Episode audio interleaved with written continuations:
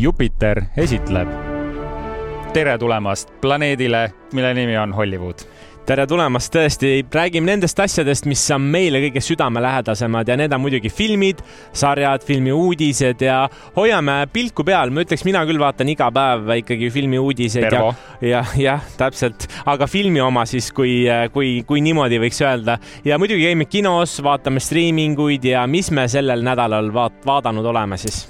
No sina käisid kinos vaatamas Rumalat raha ja ei olnud üldse nii rumal, aga GameStopi siis selline aktsiakriis, mis tundub võib-olla hästi igav, aga kas ta on, no tuleb edasi kuulata, mis veel? mina pidin ka kusjuures seda filmi vaatama minema, aga olin laisk, olin kodus ja vaatasin Netflixis sellist sarja nagu The Fall of the House of Usher. täpselt nii keeruline pealkiri ongi mm, -hmm. aga sisu on parem kui see pealkiri. Ja kui sa mulle rääkisid ka, kohe vaatasin üle, tundus ülimalt huvitav, ma tahaks ka teada, mis see täpsemalt on.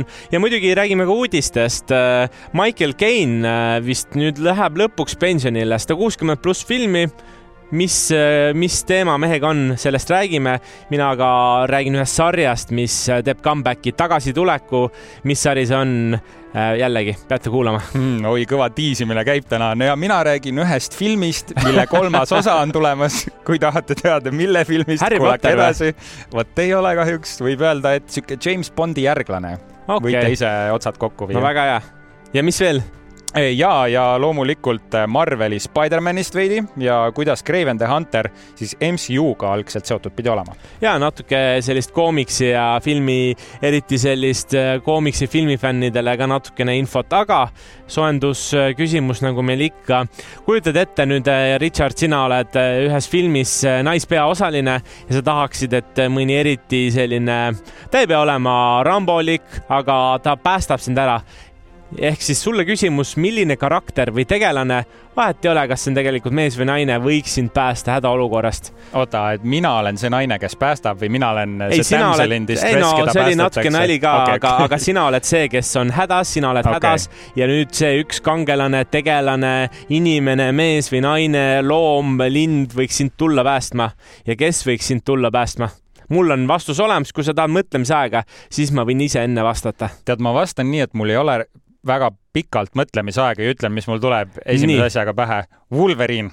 Wolverine, miks nii? jube kuri, jube ohtlik, hävitamatu ja seksikas ka. no, no Hugh Jackman loomulikult. no täpselt nii.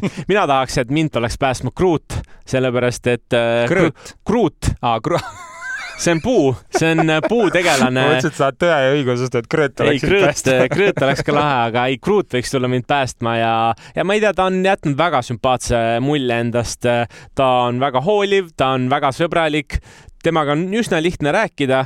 I am Groot sa räägid ta keelt? ma räägin ta keelt ja, ja kuidagi võib-olla klassikaliselt teistsugune. muidugi, muidugi oleks lahe, kui tuleks, tulekski Rambo ise või, või ma ei tea, Ironman mm. või, või keegi teine, aga, aga pigem lähme sinna, et Groot, Groot või siis Krõõt, Eesti variant tuleks mind päästma I am Groot. Äh, ja kes ei tea, siis äh, Groot on äh, Guardians of the Galaxy üks kangelastest, keda, aga oh, sa siis tahad, et Vin Diesel tuleks sind päästma? ei, ma ei taha, ei, ei, ei, ma ei taha, Vin Diesel võib endiselt seda häält lihtsalt peale kuidagi maigutada, aga mis ma tahan. kilakate et... meeste vastu on? ei ole midagi, tahaks, et see mees või tähendab, see puu tuleks mind päästma, aga no nüüd on, nüüd on soojendus tehtud ja puu juurest lähme edasi meie harivasse sektsiooni, kus me siis anname ühe sellise huvitava filmiajaloo fakti fakti ja rubriigiks on Kes teab, see teab. Noh, seda fakti ma arvan, et sa ei tea, aga seda filmi sa tead. Ratatouille, aasta kaks tuhat seitse, Disney selline, ma ütleks, üsna suurejooneline film, kus siis äh, pea, ma ütleks, äh, selliseks osaliseks oli üks äh, rott, kes oli inimese peas kokamütsi all, kes tegelikult tegi väga maitsvaid roogasid ja kuna seal peategelaseks ongi rott, siis, siis filmi fakt on teile see, et pärast seda filmi linastust läks kohalike, kohalikus loomapoes nii Ameerika Ühendriikides kui Euroopas mm. nii-öelda lemmikloomade müük kui rott või hiir läks viiskümmend protsenti kasvas, nii et, et tegelikult filmidel võib olla väga suur mõju, et kui keegi nüüd küsib, kui pikaaegselt, siis muidugi see ei kestnud nagu aastaid, see oli selline paari kuu müük lihtsalt kasvas, aga inimesed võib-olla mõtlesid, et pistavad ka enda roti pähe ja rott hakkab neile kodus siis kokkama. ma mõtlesin, et sa ütled, et eh, sul on ka rott peas olnud sellest ajast saati, kes sind, kes tegelikult tõmbab neid sinoniite, aga sellel, see on väga loogiline, filmid on eh, tihti mõjutanud päriselu niimoodi. üks kuulsamaid näiteid veel, mis mul pähe tuleb, on Top Gun. kui Top Gun kaheksakümmend kahe, kaheksakümmend kuus aastal välja tuli, see esimene osa, siis ähm, see kasv meeste hulgas, kes hakkasid siis mereväkke nagu kandideerima, kandideerima, mm -hmm. kasvas mingisugune kakssada protsenti või midagi. no popkultuuri mõju, ega üheksakümnendatel ka, kes ei tea, kuna Eesti või noh, ütleme, et Nõukogude ajal võib-olla ei näinud kõiki neid asju, mida tahtsid telekast vaadata, siis äh, vaadati palju Soome asju, piraaditi ja kuna õhtul hakkasid sellised täiskasvanute asjad seal peale, siis äh, väga paljud nimed näiteks äh, on võetud siis Soome tegelastest ja mm -hmm. on mhm. võetud ka, või tähendab, laste iive on seotud sellega, mis parasjagu telekas oli, nii et telekal ja kinol on ajalooliselt olnud väga suur mõju vot, aga sellised harivad mõtted tänaseks ja lähme uudiste peale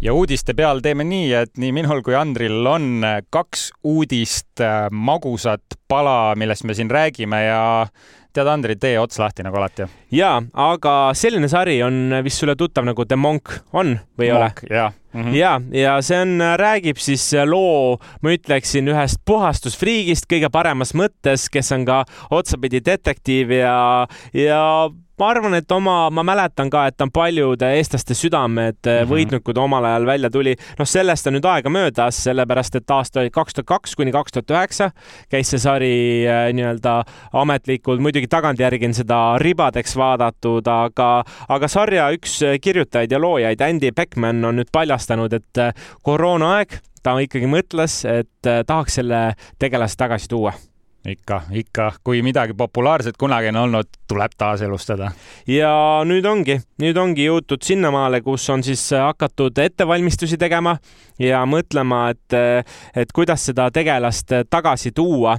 Ja, ja tegelikult võib-olla kõige lihtsam viis äh, oleks film väike teha ja, ja rääkidagi mm. seesama lugu, tuua seesamad tegelased tagasi. kas nüüd tuleb äkki film või tuleb sari, selles, seda veel mõeldakse, aga, aga kuna juba idee autor ja näitlejad on ka nõus olnud, siis äh, saab selle puhastushullu meile siia tagasi tuua. minu meelest lahe, väga lahe, äh, lahe, et tuuakse ka vanu selliseid äh, karaktereid või sarju. me oleme rääkinud Office'ist mm -hmm. siin üks, mitte üks hooaeg, aga üks osa ja, ja nüüd Monk ja Tony Shalhoub, kes siis äh, mängis seda nimi tegelast, kas tema on ka siis äh, tagasi tulemas, ma saan aru, või nad, või nad justkui nagu reboot ivad? ei, mina olen saanud aru, et tema on ka mm, -hmm. on nõus äh, tagasi tulema. okei okay,, no kõlab, kõlab nagu praeguse krimi asjade tegemine on väga suure hoo sisse saanud, noh, mul tulevad kohe mingi Knives Out ja Hercule Poirot, need uued filmid, mida Kenneth Branagh praegu lavastab mm -hmm. pähe. et äh, nüüd Monki ka niimoodi filmi kujul tagasi tuua, et sellel on oma publik, krimi on üks enim vaadatumaid žanreid, mis noh, seriaalide näol vähemalt on. ja täpselt nii ja, ja mina küll ootan, ma, ma ütlen ausalt, ma ei olnud omal ajal kõige suurem fänn, aga kui ta käis ikkagi sellepärast, et äh, võib-olla, mis seda Monki iseloomustab ka hästi mm, -hmm. ongi see, et ta on hästi metodoloogiline, et ta suudab vaadata tervikpilti ja nagu Hercule Poirot, äh, siis ta, ta näeb need nõrgad kohad ära ja ta suudab läbi selle süsteemi lahendada need ülikeerukad lood, nii et, et üks asi on võib-olla see tõesti, et ta on hull puhastusfriik, aga teiselt poolt. see OCD on ju. ja tal on, tal on, ma nüüd seda meditsiinilist äh, ja. nime ei mäleta, aga tal on täpselt äh, sama, mis oli sellel äh, Mac, McCallil Equalizeri filmidest ja Robert, Robert McCallil mm -hmm. oli täpselt sama asi, et ta pidi teatud asju tegema ja, ja tal on lihtsalt see puhastussoov on nii suur. kompulsiiv, ei, obsessiivne kompulsiivhäire vist on see eesti keeles, aga kusjuures Monki karakter tegi selle OCD justkui jutumärkides nüüd lahedaks et see oligi vanasti või noh mm -hmm., pigem, pigem ta oligi nagu häire, aga see karakter tegigi sellele, noh, lisas vunki juurde ja see oli kuidagi no tihtipeale inimesed tänapäeval ka ütlevad, et OCD, et mul on mingite asjade osas OCD, noh, see, kuidagi nagu yeah. mingisugune lahedaks natuke muutub. ja selle filmi kohta on siis äh, Breckman andnud ka väikese sünopsise või noh, et kus ta tahaks siis jätkata, et ta tahakski jätkata äh, siis seda Monki rolli väga pimedast kohast, ehk siis Monk omadega on juba täiesti nagu, vahepeal on asju juhtunud, ta on omadega täiesti maas, masenduses ja, ja, ja tahaks seda lugu siis kinole, kinoekraanile tuua, kuidas Monk ronib sellest pimedusest välja mm. nii-öelda karakterina ja samal ajal siis lahendab äh, müsteeriume ka, nii et, et nagu kaks ühes, see on nagu selline karakteri täiesti reboot tagasitoomine ka nii emotsionaalses mõttes kui ajaloolises mõttes, nii et väga väga lahe kas sa läheks, kui see tuleb nüüd filmina ja see tuleb kinodesse, kas see on niisugune film, mida sa läheksid just kinno vaatama? ma arvan, et see ei ole selline film, mida ma nüüd, ma täiega ootasin mm, -hmm. nagu ma ootan Dune kahte või äh, Näljamängude uut, äh, uut filmi, aga ta on küll selline film, mida ma võib-olla nostalgilisuse mõttes tahaksin äh, näha, nii et tuttav karakter uues, uues kuues, nii et jääme ootama aga üks filmifrantsiis, mis samuti uue kuue selga tõmbab, on Kingsman mm. -hmm. ja need mhm. on väga head uudised, et Kingsman kolm on tulemas režissöör Matthew Vaughn teatas siis New York Comic-Conil, et töö uue Kingsmani filmi kallal on aktiivselt käimas ning nad tahavad asuda filmima niipea kui võimalik, enne kui siis, ja see, need on tema sõnad, kui näitlejad nende rollide jaoks liiga vanaks jäävad. loomulikult praegu on näitlejate seas veel streik käimas äh, ja ilmselt niipea veel ei lõppe ka. kirjanikud said sellega ühele poole, aga näitlejate streik jätkub. aga natuke taustast ka, et see on siis äh, filmifrantsiis, mis sai kahe tuhande neljateistkümnendal aastal alguse filmiga Kingsman The Secret Service ja nüüdseks on juba tegelikult välja tulnud kolm mhm. filmi mm, -hmm. aga viimane nendest oli siis äh, prequel ehk eellugu The Kingsman, kus me nägimegi siis selle no ütleks müstilise spiooniagentuuri alguslugu ja, aga mulle, ma pean tunnistama, et see võib-olla eellugu niivõrd väga ei meeldinud, äh, kui, kui need esimesed filmid ja esimeses filmis just oli selline kuidagi võlu, et ja. see on uus temaatika ja, ja ma ei tea, kuidagi nagu üle keeratud seda minu jaoks, et ta ei ole seda, seda originaallugu on järjest vähem, et tahaks seda originaali ja, ja võib-olla kõik mõtlevad alati, et kui esimene osa on mm. ära, tahaks ta võimalikult originaali lähedast ja ma saan aru, et seda on raske teha, aga, aga noh, nüüd peab jälle püüdma, et see oli kuidagi alla, alla lati minekut. Äh, ma tean, et see frantsiis toob raha, see on inimestele huvipakkuv mm, -hmm. aga, aga lihtsalt nojah, äh, see Kingsman, kusjuures see eellugu tehtigi sellepärast, et seda äh, esialgset cast'i ei saadud kokku ja Matthew Vaughn ikkagi tahtis Kingsmani filmi teha, seetõttu tuligi siis Ray Fiennes mängu, kes mängis seal peategelast. aga ka Golden Circle, mis on siis Kingsmani teine osa, mis jätkas sedasama lugu, ei olnud päris nii hea, kui see esimene ikkagi oli. aga see frantsiis tegi kuulsaks siis äh, Taron Egertoni, kes mängib äh, nendes filmides peategelast Exit ning Harryt mängib siis äh,, ehk siis tema mentorit mängib seal Colin Firth, et mm -hmm. No Colin Firth on just niisugune James Bondilik karakter seal ja nagu sa mainisid ka, et ta on niisugune väga üle stiliseeritud versioon võib-olla James Bondist mm, väga täpselt. sellises tänapäevases võtmes, aga ikkagi väga lahedalt tehtud ja uue osa kohta Vaughn liiga palju ei öelnud aga mainis, et Eggsy ja Harry on ilmselgelt nende filmi, selle filmi keskmes. kokku tuleb ka varasem gäng aga mis publikule eriti meeldis, oligi just Harry ja Eggsy vaheline dünaamika mm. -hmm. nii et uues loos me näemegi, kuidas nad tunnevad äh, ja kas nad tunnevad seda tugevat sidet omavahel või hakkavad hoopis vihkama teineteist ja selle ümber hakkabki siis uus film toimima, et mis nende vahel lõpuks juhtub. aga et uued näitlejad saaksid peale tulla, siis on üks vanem härrasmees öelnud, et tema läheb pensionile mm. ja selleks ongi Michael Caine. Sir Sir jah, Sir Michael Caine, kes on nüüd juba saanud üheksakümne aastaseks ja ja kui te küsite, et aga kuna ta üldse midagi viimati teinud on, siis ma pean teile ütlema, et alles sellel aastal The Great Escaper filmiga, filmist üles astus ja no mees on üldse oma elu jooksul sada kuuskümmend pluss filmi. sada seitsekümmend kaheksa vist no, oli. see on jah, mingi kerge. metsik, metsik arv filme, kus ta, kus ta kaasa löönud on ja ma võib-olla ütlengi lihtsalt mõned. no kõik, kõige tuntum mm -hmm. ongi The Dark Knight või üldse Batman'i see seeria Christopher Nolaniga ja Christopher Nolaniga ta üldse palju ka koostööd äh, teinud. Äh, noh, Prestige näiteks on, see on mul läbi aegade vist lemmik tema, tema film ja. Interstellar. Interstellar Tenet muidugi. ja Inceptionist tegi kaasa Incep ja ka Kingsmani filmis tegelikult mängis uh,. Dunkirk uh,, Now you can see me teises osas, Going in style, kus ta need vanameestega mm -hmm. seal vist röövisid panka või mingi selline.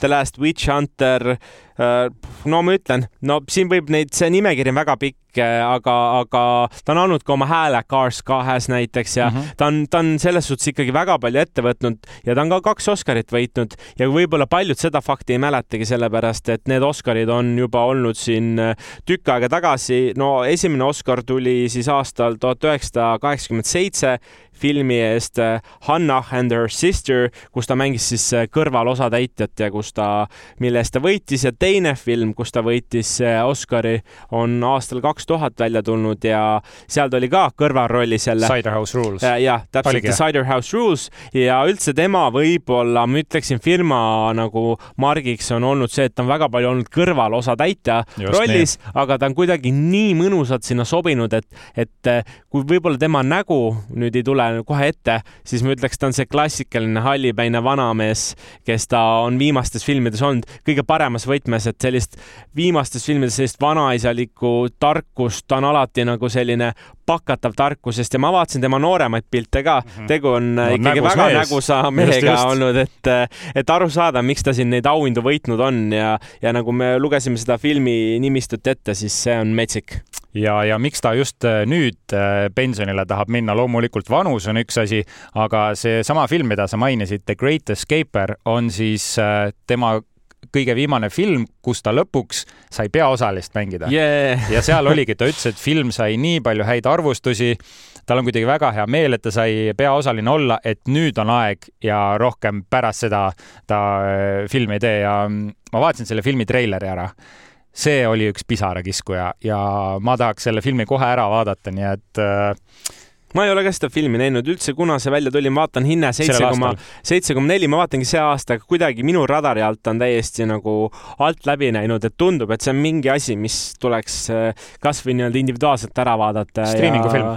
ja väga-väga hea meel, et mees saab ka nüüd lõpuks puhata mm. -hmm. palju õnne talle eduka karjääri eest ja, ja natuke on küll kahju, tahaks seda veel näha, aga selle eest saab teda seal erinevates filmides äh, läbi aastate vaadata, nii et äh, vaadake film on igavesti mm. -hmm. aga lähme edasi Marveli teemaga ja Spider-man No Way Home pidi algselt sisaldama ühte uut pahalast. nagu me teame, siis No Way Home oli äh, siis viimane Tom Hollandi Spider-mani film, kuhu toodi tagasi kõik need vanad äh, oldschool karakterid Olid, ja eelmistest filmidest. kolm Spider-mani olid põhimõtteliselt koos. kolm Spider-mani ja kõik mm -hmm. need äh, eelmised pahalased, põhimõtteliselt karakterid, kellega publik oli juba eelnevalt äh, tuttav olnud ja sellises dokfilmis nagu The Reign of Marvel Studios öeldi, et äh, Sony keelas Marvelil kasutada sellist pahalast nagu Craven the Hunter mm. -hmm. ja natuke tausta ka, et Spider-man'i õigused on tegelikult Sony filmistuudio käes ning ainus põhjus, miks ta saab Marvelil liivakastis mängida, on just sellepärast, et Sony tegi diili Marveliga, kus ta justkui laenab seda tegelast äh, Marvelile, seepärast me saamegi Spider-man'i Avengersites näha kuid äh, Sony ei oma mitte ainult Spider-man'i tegelase õigusi, vaid ka kõiki teisi kõrvaltegelasi, kes on kuidagi Spider-maniga seotud ja just eriti pahalased. Ning äh, algselt pidigi äh, Marvel soovis siis Spider-man No Way Home'i Äh, filmis kasutada Craven mm -hmm. the Hunterit, aga nüüd teame lõpuks, miks see keelati.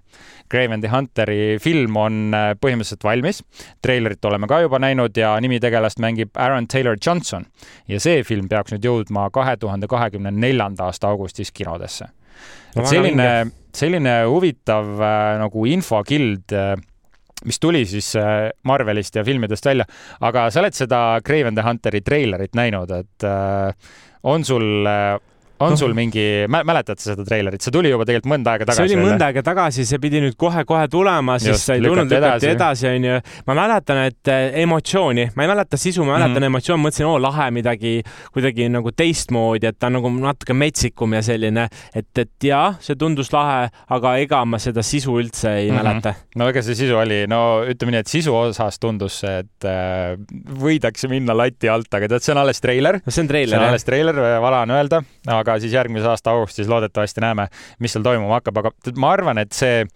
justkui nagu esialgne õnnetus, mis siis Marvelit tabas, et nad ei saanud seda karakterit kasutada, ma arvan, et see oli hea.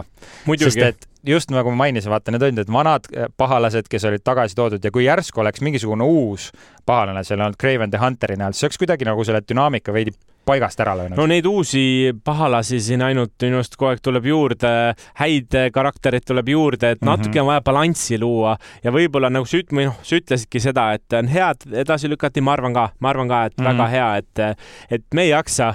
mõtle, kui sulle tuuakse toidulaua peale kümme erinevat rooga, et noh. tahan tahad, aga hakkad maitsema, siis hakkad kohe võrdlema ja tegelikult ei ole väga hea, nii et, et ma ütlen, et väga hea, mul tun-, või noh, mitte ei ole tunne jällegi, vaid ma mäletan ka artiklit, kus tegelikult öeldi, et nüüd tõmmatakse hoog maha ja praegu on mm -hmm. hoog nullis muidugi, see ei ole ainult nagu äh, sellepärast, et äh, firmad tahtsid. Marveli osas üldiselt? ma mõtlen Marveli osas ka et mhm. vahepeal tuli ju järjest nagu ja. mega palju asju, et praegu on hoog maha võetud, noh, streigid, aga ka tegelikult stuudio korra saab mõelda ja hinge tõmmata. järgmine Marveli Marveli film muidugi The Marvels. Äh, kas see tuleb see aasta? mis tuleb, äh, ei, aga muidu on ju lubatud. no seal on ju nii kõvad näitlejad all, vaata, see tähendakski seda, et Marvel peab loobuma sellest promotuurist nende aga näitlejatega. eelmüüginumbrid on juba sisse tulnud. Äh, eelmüük on teinud praegu kuuskümmend neli protsenti umbes halvemini, kui on planeeritud, nii et ta on müügis okay. Ameerika Ühendriikides no, juba. et ma arvan, et seda edasi ei lükata, nad ei saa liiga palju lükata, aga, aga noh, tõenäoliselt kassatulu mõttes juba praegu on kõik punases. et kui nüüd viimasel hetkel mingi mingit asja ei tehta, aga ma just eile nägin lihtsalt seda nagu eelmüügiinfot mm, -hmm. nii et, aga selle eest Taylor Swift äh, toob. Äh, kassa teeb ikka roheliseks kõik, nii et äh, tema on juba üle saja miljoni selle pealt teeninud, et ta on selle kinodesse toonud. no ma arvan, et mõni päev võiks veel kokkuvõtte teha, vaadata, vaadata, mis seal toimunud on, sest nüüd jõudis kinno. mina ei ole seda vaatamas käinud, aga ma pean, ma tahan kindlasti veel minna ja ma vaatasin, et mõned, mõned seansid on saadaval. kas sa tead, kui palju see kontsertfilmi tegemine maksis? ja viisteist vist ja, miljonit oli. viisteist miljonit on, noh minu arust Ameerikas on ta teeninud mingisugune sada kakskümmend miljonit. oi, kindlasti. maailmanumbreid ma veel ei ole vaadanud, et see on see on võtame täitsa ebareaalne. võtame järgmine kord, teeme selle analüüsi ära ja vaatame, mis seal toimub, sest, äh, sest see on igastahes vinge kinomaailma mõttes ka. ja tõmbame siit uudised kokku, läheme edasi nädala naela juurde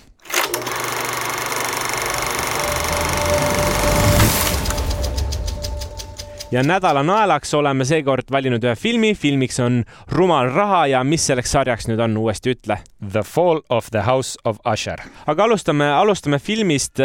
film on nüüd värskelt kinodesse jõudnud, eelmisel nädala reedel esilinastus siis eh, Rumal raha. tegu ei ole Eesti filmiga, Vaba raha. ei tasu nüüd segi ajada, mul küll korraks peasse igasugused mingid rahajutud ja, ja rahateemad, aga tegu on siis komöödiaga, draamaga, biograafiaga ja ma ütleks, see on selline klassikaline Koljati ja Taaveti lugu, kus on siis väike osapool ja on selline suur koletis ja suureks koletiseks on siis äh, erinevad investeerimis või kuidas see on eesti keeles, börsiettevõtted või, või üldse ja. sellised aktsia, aktsiad aks,. suurinvestorid. suurinvestorid, äh, kes tegelevad erinevate aktsiatega ja tegu räägibki või lugu räägibki siis sellest, kuidas äh, selline aktsia nagu GameStop mm, -hmm. me teame seda kui siis selline mängupoed, kust on, müüvad arvutimänge, konsoolimänge, konsoole ja tegelikult äh, neil ei läinud või ei lähe väga hästi ja.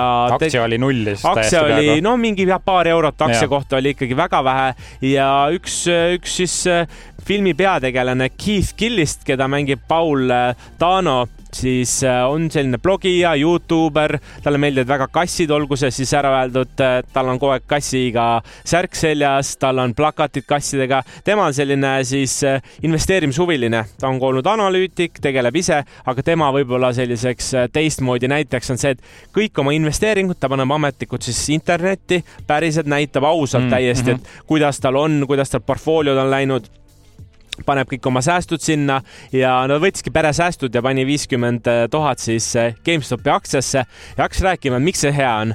ja tänu muidugi Redditile ja osadele teistele portaalidele saavutas tema selline mõtlemine, tema stiil suurema-laiema tähelepanu ja see kuidagi hakkas nagu kulud tule, äh, tulena levima niimoodi, et inimesed olid, et tõesti, et ka need pointid või punktid, mida ta räägib selle aktsia kohta, on väga huvitavad mm -hmm. ja kuidagi kõik nagu nakatusid sellesse. miks ma nagu ka seda sisu nii avalikult räägin, on see, et see on tegelikult avalik info juba mm, -hmm. et kuna ta on biograafiline, siis see on tõesti sündinud äh, lool põhinev ja, ja mis seal siis juhtub, juhtubki see asi, et äh, rahvas tuleb kaasa massiliselt, varsti hakkavad uudised seda asja edastama kuni siis USA kongressini välja, kus kus kutsutakse see vend äh, äh, nii-öelda äh, ütlusi andma. kuidas see lugu nagu selles vaates lõpeb, et kes peale, mis on need nüansid, neid ma ei hakka rääkima, sest ma arvan, et see ongi see huvitav, mida filmis vaadata, aga lihtsalt see, kuidas tegelikult siis äh, nii-öelda rahvajõud, rahvas versus Ameerika korporatsioonid, seal on öeldud minu arust üks väga hea punkt, et vanasti investeerimismõte oligi see, et kui sul on piisavalt nutti ja veidike raha, et siis sa võid oma raha kasvama panna, aga, aga pigem see süsteem on olnud äh, just vastupidi mm. -hmm. et äh, tegelikult, kui sa oled nii-öelda tavakasutaja, siis sul ei ole võimalus seda äh, raha teenida, sest sul ei ole nii palju analüütikuid, sul ei ole nii palju spetsialiste ja ja rumal raha on üks termin äh, Wall Streetil siis, äh, kus seda raha tehakse, ongi see, et rumal raha on see raha, mida väikeinvestorid panevad siis äh, aktsiatesse, mida on väga lihtne ära korjata, et ta on nagu rumal, sest keegi paneb selle ja suured võtavad ära. Ja mõte siis selle filmi point oli see, et kogu need kõik investorid, suured firmad panid siis äh, äh, nii-öelda ennustasid, et GameStop aktsia langeb, firma läheb pankrotti. Aga mida väikeinvestorid tegid, hakkasid siis hullult palju raha peale investeerima, et Wall Street hakkas kannatama täiega ja, ja seal oli ka üks, üks oluline osa sellest filmist on ka selline äh, aktsiate vahendamisplatvorm nagu Robinhood mm, -hmm. mis peaks olema siis see, et iga inimene saab kasvõi, kui tal on, ma ei tea, sada eurot, äh, ta saab investeerida ja kuidas selline virvarr siis käis äh, väikeinvestorite, selle suurte kap-, kapitalistide, investorite vahel ja siis kuidas see Robinhood seal vahel oli ja kuidas tegelikult suured äh, jõud mõjutasid üldse kas, ma ei tea, saab aktsiaid juurde osta, et seal läks turu manipuleerimiseks mm -hmm. täitsa välja. ja, ja kui nüüd tundus, et see jutt on päris raske, mul oli seda raske nagu võib-olla ka kuidagi öelda, siis ma ütlen, et see film oli siga vinge, sellepärast et see montaaž, mis seal oli, see oli nagu nii popp ja noortepärane kuidagi, et ta oli hästi, hästi tempokas, ta oli hästi lihtsalt arusaadav, kõik oli seletatud, seal olid kõrvaltegelasi hästi palju ja kui nüüd rääkida korra tegelastest, kes seal siis oli, ma ütlesin, peategelane oli siis Paul Deino Äh, ja Paul Deino, siis äh, Shailene Woodley, kes oli tema naine, siis seal oli veel Pete Davidson, kes yeah. oli siis, mängis tema venda seal. Pete Davidson, väga hea roll, väga naljakalt tehtud äh, täpselt nagu oleks tema ise, et ta -hmm. mängis nagu ennast. et see oli, see oli ähm, väga lõbus ja Seth Rogen on ka üks, keda oh., keda võib-olla paljud teavad, tema mm -hmm. oli siis üks see kapitalist ja üks paha, paha tegelane, nii et nii et ma ütleks, et väga vinge mm, nii-öelda näitlejate valik oli võib-olla peategelane olnud nii nagu tuntud ka, et mulle nagu kuidagi see meeldis, et ta ei ole kohe selline A-kategooria suur mm -hmm. staar, aga, aga ja minu arust kogu see lugu või ajaliin läks nagu niimoodi, et läbi erinevate tegelaste natuke, mida tegid siis mingid äh, tüdrukud, kes investeerisid, mida tegi see GameStopi üks poe äh, müüja tegi näiteks, et ta näitas nagu erinevaid tegelasi selles samas ajaliinis mm, -hmm. sest see ajaliin oligi selline, et äh, noh, see oli mingi umbes aasta mhm. aastane mm -hmm. periood, seal oli see koroonaaeg sees muidugi, sest see, see panigi inimesi rohkem nagu mõtlema selle üle, et kuhu oma sääste panna aga, aga minu arust kogu see liikumine, mis sealt tekkis, selline rumala raha liikumine on tegelikult kasuks kogu meie süsteemile ja, ja noh, ma ütlen, et see on selline väga progressiivne, et on väga nooruslik et sellisel raskel teemal rääkida ja öelda tegelikult Wall Streetile keskmist näppu näidata, et kogu see film on ka nagu selline keskmise näpu näitamine sellisele finantssüsteemile ja rebeldan sellel filmil ei läinud äh, kassatulu poolest väga hästi, ma tean, Ühendriikides ja ka maailmas ja film, mis on lennanud radarite alt, aga kõik inimesed, kellelt ma olen kuulnud, et nad on seda filmi vaatamas käinud, on kõik öelnud, et see on väga lahe film ja seda tuleks kindlasti vaatama minna. ja, ja ma ütlen ka, et äh, no ma veel korra räägiks sellest filmist, aga kui ma nüüd korra hüppan ette, lihtsalt see, et kas seda peaks vaatama, siis, äh, siis ma arvan küll, et ta on, ta on täpselt selline film, äh, mis natuke hariv, paneb nagu mõtlema, et kui nüüd keegi ootab, et see on mingi hull fantaasialugu, et kuidas äh, see asi kannab, siis seda ta ei ole. ta on üsna kompaktne ka, tund nelikümmend neli, mhm. ta annab selle punkti ära, seal on natuke sellist kangelaslikkust, no süsteemile vastu hakkamist äh,, nagu ma ütlesin, seda progressiivsust, et, et see on nagu väga lahe, aga mis mulle ei meeldinud seal, et nüüd jääb, et see film oli ainult üleni positiivne ja hea, siis äh, tegelikult ja ma, siin ma olen vaadanud ka, mida teised on rääkinud sellest ja ma nõustun selle punktiga ja selleks on see, et kas liiga vara selle filmi jaoks ei olnud. et see asi juhtus alles nagu mõned aastad mm -hmm. tagasi ja et sa, et see kuidagi see sõnum jõuaks kuidagi hinge või kohale, siis ma oleks tahtnud seda vaadata kümne aasta pärast ja, ja jah, siis tal oleks olnud ka kuidagi emotsionaalselt suurem mõju. kuidagi toimus nüüd äh,, alles hiljuti, see oli nagu see üks osa, teine osa ikkagi natuke pettusin selles süsteemis ka, et okei okay,, jah, teadki, asjad käivad niimoodi, et nagu alati suurel ongi eelis, on ju, ja okei okay,, see on selline emotsioon no, mm, -hmm. emotsionaalne pool, aga just see, et minu jaoks natuke liiga vara äkki tuli see film mm. nii-öelda kinodesse või üldse meie rahva ette. ma arvan, tas on rohkem potentsiaali, ma arvan, ta oleks rohkem raha teeninud ja rohkem ka võib-olla saaks tunnustust, kui ta tuleks äh, tulevikus ja sellega võtame kokku äh, rumala raha ja läheme kinost äh, siis oma diivanile ja mina valisin üldse ühe Netflixi sarja, millest ma tahaks väga rääkida, mida ma olen jube pikalt oodanud ja ma nüüd üritan selle pealkirja õigesti öelda. The Fall of the House of Usher.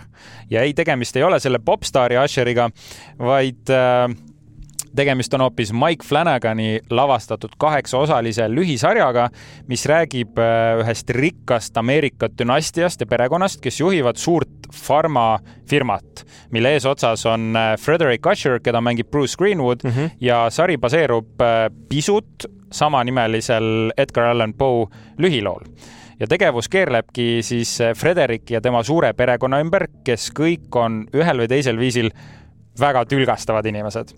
ja parasjagu on seal äh, sarjas käimas tuline kohtusõda ning äh, nende tege-, firma tegemiste ümber ning Frederik otsustab pärast oma laste surma rääkida kõik perekonnasaladused välja. ja ma ei ütle midagi ette, kui ma räägin tema laste surmast mm, -hmm. sest et see sari algab nii, et see on justkui nagu tagasivaade okay.. et see on nagu jutustus, et see Frederik istubki maha ja räägib siis tema vastaspoolel olevale advokaadile, mis kõik juhtus, miks tema perekond niimoodi kannatama on hakanud ja natuke annan ka konteksti veel, et. aga mis see meeleolu seal muidu on, et natuke kuidagi paremini jõuan, aru saada? jõuan ja just see, miks ta nagu räägib seda kõike lugu, ongi see, et mingisugune kummaline müstiline naine, kellel on üleloomulikud jõud, on hakanud siis tema perekonda põhimõtteliselt mm -hmm. maha tõmbama. ja no tegemist on ikkagi Mike Flanagani sarjaga ja see, kes on tema sisu varem näinud, teavad, et see on muinasjutuline, traagiline mm -hmm. ning õudne kooti muinasjutt nii et eh, kogu see värvigamma ja kõik on ka hästi tume, ma saan aru, jah? ja tume, üsna värviline. Eh, Flanaganil on eh, väga kindel visuaalne nagu keeleline stiil, sorry, visuaalne stiil, mida ta siis kasutab, et see on küll tume, palju käib ööstegevust, aga ta on väga mm -hmm. selliste lahedate värvide ja heade kaadritega tehtud. Okay. ja kui sa, ma ei tea, kas sa oled vaadanud niisugust sarja nagu Succession? ei ole näinud. igatahes väga kuulus sari, mis on võitnud meeletult auhindu, räägib ka hästi rikkast perekonnast. Äh, ja see ongi, ma ütlekski justkui nagu Succession, aga selliste fantastiliste elementidega. ja Mike Flanagan ka oma sarjades kasutab hästi tihti samu näitlejaid, aga ta teeb iga aasta uue looga sarja mm.. et see pole, et põhimõtteliselt ta võiks teha ka noh, ühte sarja, iga aasta uus hooaeg välja lasta, aga ta võtab kõik needsamad näitlejad kästib nad täiesti teistsugustesse rollidesse ja annab uue loo. see ongi lahe, ma arvan, see ongi see unikaalsus ka mm, -hmm. et, et näha kuidagi sedasama asja teise nurga alt, okei okay,, ma mõtlen. erinevat asja, aga näitlejad teise nurga alt. asja kuidagi teise nurga alt veel, et see on nagu päris hea miks, et äh, see võib täiega, täiega üllatada, et kui sa ühes osas näiteks mängid, äh, ma ei tea, pahalast ja teises osas mm -hmm. oled hea, et see tekitab inimestes väga palju emotsioone ja, ja ma arvan, see on väga kaval selline kirjutamisviis, see on väga kaval äh, nii-öelda casting, et Eestis tahaks ka midagi sellist julgust näha, see on mm -hmm. väga julge tegemine. kujutad ette, et Eestis on ka sari, mõni, ma ei tea, Paide klubi kättemaksukontor, järsku on kõik kuidagi vahetatud ja, ja need, kes on head, on pahad, ma tahaks näha. see ja see on äh, tõesti äge element ja kes võib-olla küsib, kes see Mike Flanagan sihuke on, siis ta on varasemalt äh, ka Netflixile selliseid sarju teinud nagu The Haunting of Hill House, The Haunting of Bly Manor, Midnight Mass Midnight Club ja nüüd siis see sari, aga ka suuri filme teinud nagu mm -hmm. Doctor Sleep, Gerald's Game, Hush, nii et ta on üks tõeline õudus õudusžanri meister, ütleks mina, ma, ma tõesti ei tea, kes, võib-olla James Wan on niisugune teine mees, kes mulle esimesena nagu õudusžanris kohe meelde tuleb. aga tema õudukad äh, siis ei ole ka üles ehitatud ainult sellistele ehmatuskohtadele, vaid ta oskab väga hästi aga tekitada, on ehmatuskohad, jah? ma jõuan sinna, aga ta oskab väga hästi äh, tekitada atmosfääri ja õigetel kohtadel anda neid ehmatusi. ja et ta on tõesti, jah, et ta, seal on neid ja ta justkui nagu petab sind arvama, et see sari on no selline aeglaselt kruttiv, õudne mm, -hmm. aga mitte ehmatav. ja seal oli üks koht selline, kus ma ikka nagu kargasin püsti ja karjusin kodus, sest see tuli niimoodi nii ootamatult ja kui see toimus ära, vaat mõnikord mm -hmm. sa oled kinos, et miks oli vaja mind niimoodi praegu ehmatada, mul on nüüd vastik tunne, siis mul, mul tekkis sihuke nagu äge tunne, et tegi nii õigel kohal, nii ootamatult ja see justkui oli nagu mingi elektrišokk läbi keha ja tasub, sobis sellesse nii et loosse. seda tasub vaadata siis kodus äh, päevaaeg, äh, tuled kõik põlevad. pimedas, äh, pimedas. tuled kõik põlevad, et siis süda vähemalt jääb terveks pärast seda vaatamist. ei, kõike, kõike tuleb ikka pimedas vaadata, et saaks selle õige meeleolu kätte aga mida ma tahaks kindlasti välja tuua, siis Bruce Greenwood, kes mängib selles sarjas peaosalist. ta on selline näitleja, keda sa võib-olla nimepidi ei tea kui sa ta pilti näed, siis sa tead, et see on see vend, kes on enamus filmides kaasa teinud, mängib ka alati kõrvalosalisi ja ma julgeks öelda, et see on tema karjääri parim roll.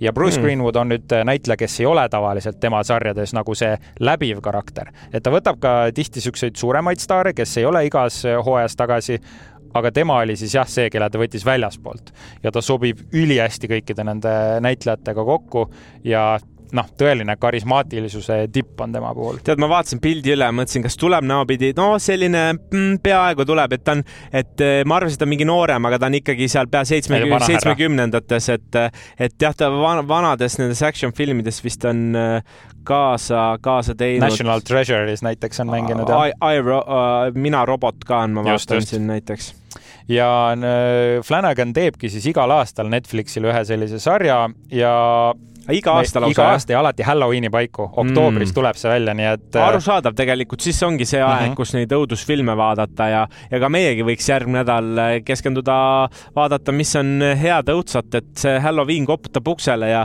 kinos ka ma vaatan, et ikkagi Õuduk need seansside ajal on ikkagi õudusfilmid, jah. ja, ja mis mulle jälle eriti meeldis selle sarja puhul, et tihti, kui niisugust õudusžanrit tehakse, siis need lõpud jäävad vahel niimoodi õhku või kuidagi mm -hmm tekib niisugune, noh, mõtle ise edasi, mis nüüd sai või kuidagi, aga Flanagani asjadel on alati see, et ta seob perfektse lipsusõlme, paneb veel selle kirsi sinna peale, peale ja seob kõik kokku ja see ei mõju imalalt, see ei mõju kuidagi happy ending una, ma ei ütle, et asjadel alati ilusad lõpud on, aga ta nagu vastab su küsimustele ja seob loo ilusti ära. miks see nii on, jah? No see on väga lihtne, sellepärast ta teabki, et ta teeb ainult ühe hooaja, ta läheb edasi. No. et väga tihti, kui sa teed sarja, siis sa loodad, et aga äkki tuleb nüüd järgmine, äkki nad, noh, et sa ei lõpeta kunagi seda ära, sa jätad meelega lahti, aga ma arvan, ta teab, et äh, tal lõpeb hooaeg ära, ta paneb täiega, ta nagu ei hoia üldse kokku ja see ongi see rahuldustunne ka, mis tekib ja sellepärast ega neid uusi projekte saab, et kui kõik teeksid nii nagu tema, siis see ei toimiks, aga kuna tema on üks väheseid, kes teeb niimoodi, siis äh, see toimib, et äh, näiteks Black Mirror ka, kus on eri, iga osa on erinev, seal on iga osa ja. juba erinev, onju. et ta ka sellepärast mõjub hästi, sest ta on värske ja inimesed seda värskust otsivad ja õudust ka otsivad. aga kusjuures Black Mirror tihti oma episoodide lõpus võib-olla jätab ka siukse nagu, oh, et no, nüüd mõtle edasi, mis sealt saada võis no nõus, sellepärast Black Mirrori mõte ongi see, et panna mõtlema kriitiliselt mm -hmm. ühiskondlikel teemadel, olgu see tehisintellekt või muu, aga, aga jah, ma, ma olen sinuga nõus. nii et jaa väga,, väga-väga tugev soovitus The Fall of the House of Usher. aga pigem kellele see on, kuidas sa tunned, et kas see on ma, ma ei tea, kõigile sobib või see on rohkem kuidagi meestele või naistele või, või noorematele või, või kuidas sa ise tunned, et kes mm -hmm. see sinu meelest see profiil on, kellel see võiks olla nii-öelda kümnest kümme? Äh, meestele-naistele samamoodi. Äh, ma ütleks, et ta sobib isegi ka vanemale vaatajale, sellepärast et see stiil on justkui natuke vanamoeline muinasjutt, aga teeb seda ikkagi modernses võtmes. ja tegevus käib tänapäeval ja ta kasutab klassikalist muusikat, ehk kui sa mm -hmm. vaatad seda, sul justkui tekib tunne, et sa vaatad mingit koodi muinasjuttu aga see on ikkagi tänapäeval, nii et sellepärast ongi, see on niisugune asi, mida ma julgeks soovitada väiksele vennale, kui ta on no mingi kolmteist pluss vanuses, sest seal ikkagi on, see on õudukas, onju. Mhm. kokkuvõttes on õudukas, ehk seda tuleb ära öelda, et inimestele, kellele õudus meeldib ja kellele meeldib ülihea looga õudukas, nii et ma julgeks soovitada seda väiksele vennale, ma julgeks soovitada seda kindlasti sinule, sest mm -hmm. ma mhm. tean, et seda tüüpi äh, horror sulle meeldiks no vanaema puhul on nüüd ole. no südamerood, kas on võetud? just, just, et kui, äh, kui kõva tervisega vanaema on. Aga nädala naltega oleme siinkohal valmis saanud. Lähme astume Jupiteri nurka